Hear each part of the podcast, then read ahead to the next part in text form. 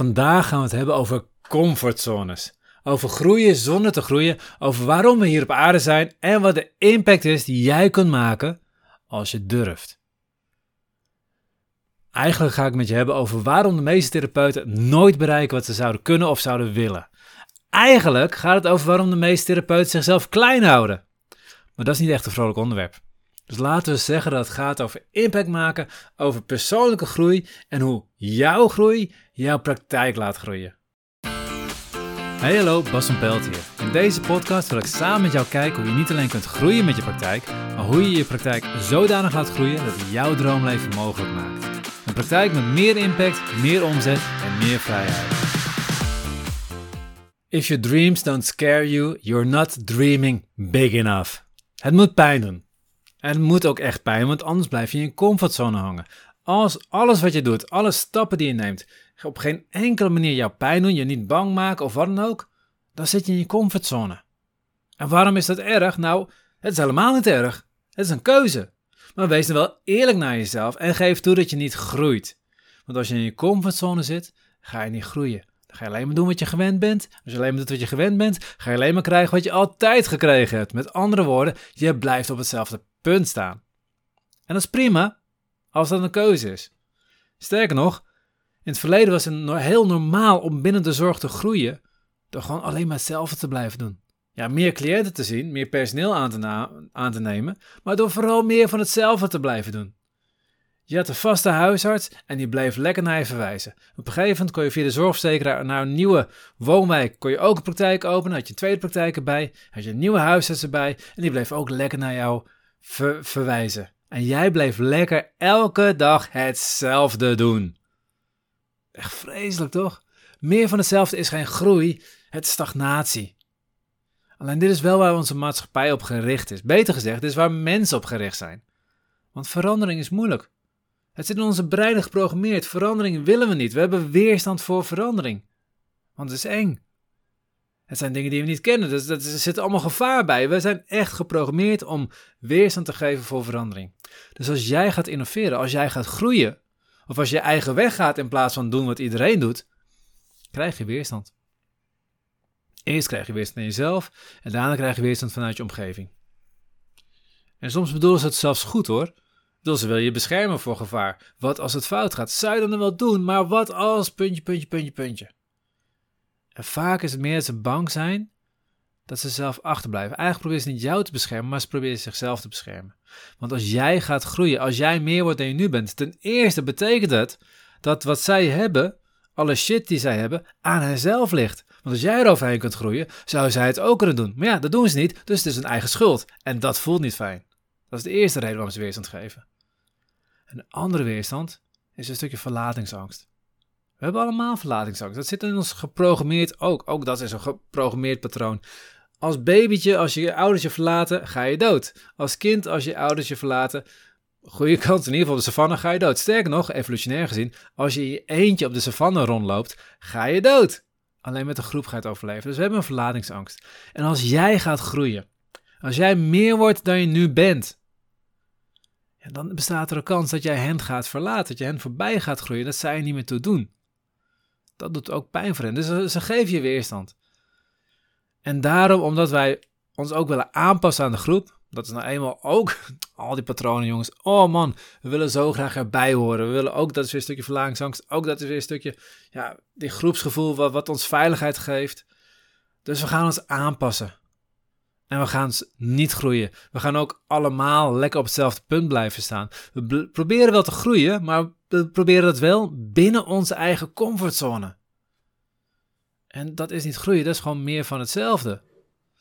Dat, dat, dat is, ja, wat, wat, wat bied je? Fysiotherapie, logopedie, acupunctuur, coaching?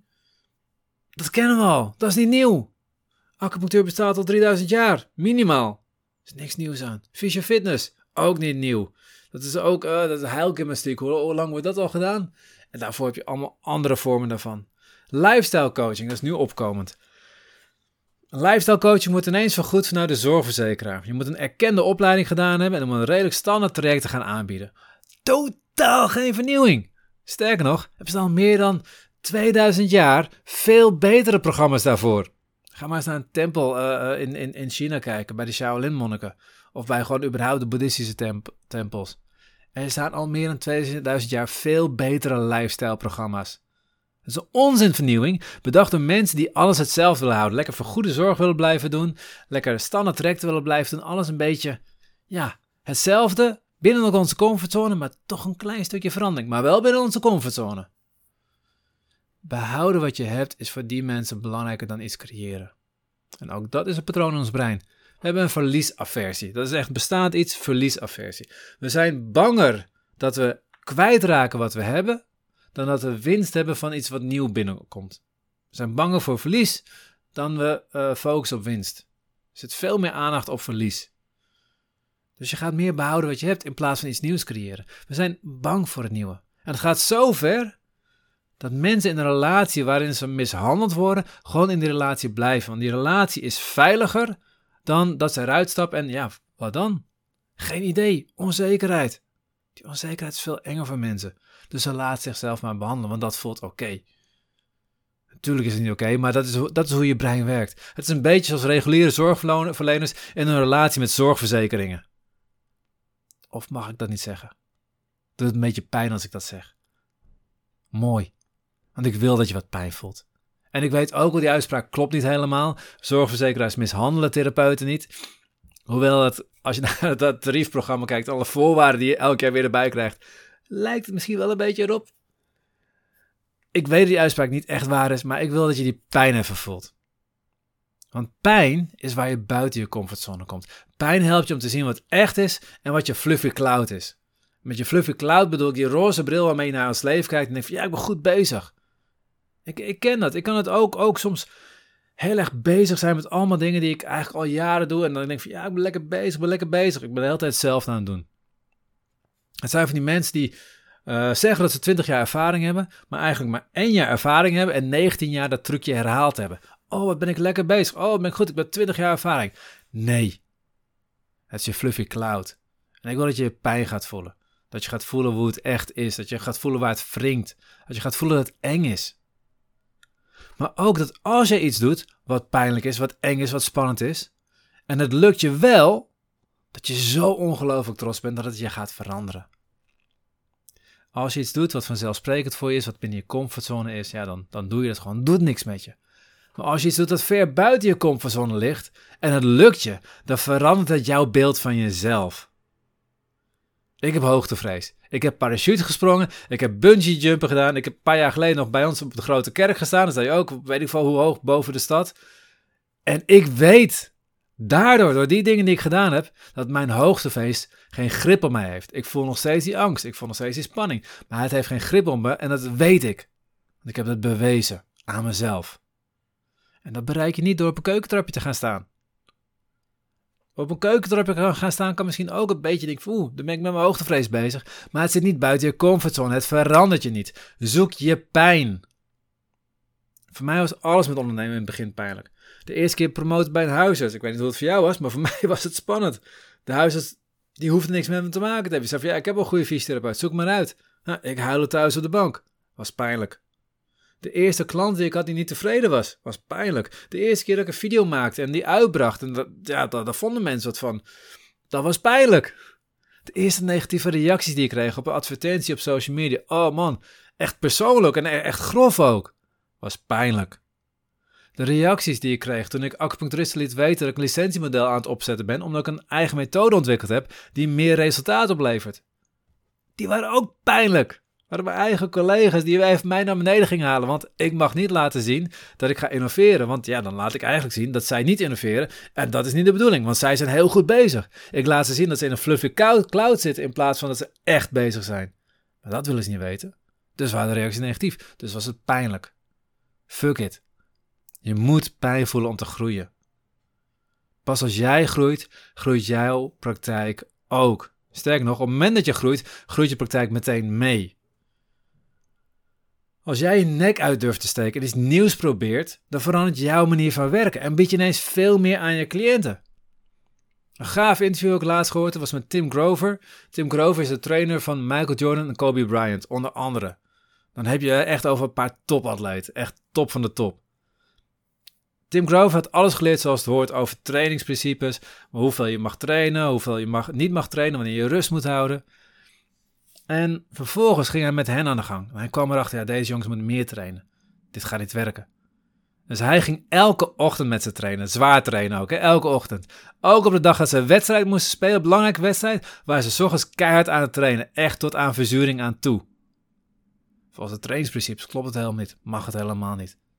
Maar kijk naar die fucking resultaten van hem. Het is bullshit wat je geleerd hebt. Ga zelf ontdekken of het waar is wat je geleerd hebt. En of het waar is in alle omstandigheden. In de omstandigheden met Michael Jordan, met Kobe Bryant die hij had, waren die trainingsprincipes die hij op school had ge uh, uh, gehaald, waren niet waar. Hij heeft een master in bewegingswetenschappen. Hij heeft een master in fysiologie. En ondanks dat doet hij dingen die volgens de theorie helemaal niet kloppen. En heeft hij geweldige resultaten. Door iets nieuws te staan, door, door iets nieuws te doen, ontstaat vooruitgang. Door hetzelfde te doen, ontstaat stagnatie. En de enige manier om erachter te komen wat werkt, is door iets te proberen. En het kan een ander businessmodel zijn, een andere manier van jouw dienst aanbieden.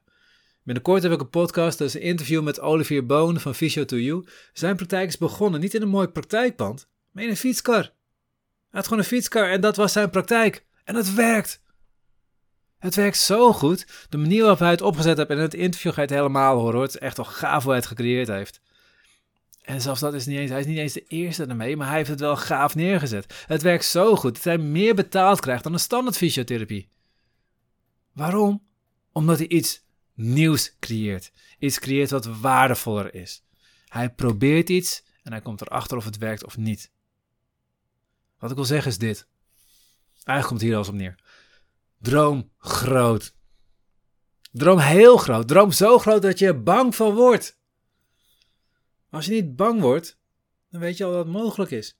Met andere woorden, het is al bewezen. Dus het bestaat al. Pas als je er bang van wordt, dan is het echt nieuw. En als het dan lukt, dan doet het wat met jou. Als jij groeit, groeit je praktijk. Dus ga op zoek naar die pijn. Laat jezelf zien, word zichtbaar. Ervaar dat het soms pijn doet als je zichtbaar bent, maar dat het je niet tegenhoudt en dat je juist meer mensen bereikt. Doe iets wat anderen niet willen of waarvan ze vinden dat niet hoort. Wat je collega's belachelijk vinden van je. Het gaat pijn doen, je gaat een hoop negatieve reacties krijgen. Maar als het je lukt, dan ga je zo groeien en dan heb je geen enkele concurrentie meer ooit. Want je loopt ze allemaal voorbij. Probeer eens iets anders met je cliënten. En sommige cliënten gaan je stom vinden voor wat je doet. Sommige cliënten gaan je zelfs slecht vinden. Andere cliënten gaan het fantastisch vinden wat je doet. En die gaan jij zo goed aanprijzen aan andere mensen. Die gaan zoveel over je praten dat je praktijk als een malle gaat groeien. Wat je ook doet, ga groeien. Ga buiten je comfortzone. Verander de wereld van de therapie en coaching. Zoek die pijn op. Dat is de enige plek waar je groei voelt. Geen pijn, dan zit je in je comfortzone, dan gebeurt er niks. Heel simpel. Als je geen pijn voelt, dan zit je in je comfortzone. Zit je in je comfortzone, betekent dat je aan het doen bent wat je altijd gedaan hebt. Als je doet wat je altijd gedaan hebt, ga je krijgen wat je altijd gekregen hebt. Dus ga iets anders doen. Ga buiten je comfortzone. Ga op zoek naar die pijn. Ga op zoek naar die pijn en groei. Groei en maak impact. Dat was de podcast voor deze week. Heb je nu een vraag of loop je ergens tegenaan met jouw praktijk? Laat me dan weten door een berichtje te sturen via ondernemenindezorg.net schuinstreep podcast. Dat is ondernemenindezorg.net schuinstreep podcast. Vergeet je niet te abonneren op deze podcast in jouw favoriete podcast app. En wat ik ontzettend zou waarderen is als je de podcast wilt delen met andere ondernemers in je netwerk. Of als je een review wilt plaatsen. Op een Apple-telefoon kun je deze review gewoon in je podcast-app plaatsen. Op Android hebben de meeste apps helaas geen review mogelijkheid. Wat ik dan heel gaaf zou vinden, is als je Bas van Pelt training wilt googlen en dan op Google een review wilt achterlaten. En in de tussentijd, maak impact!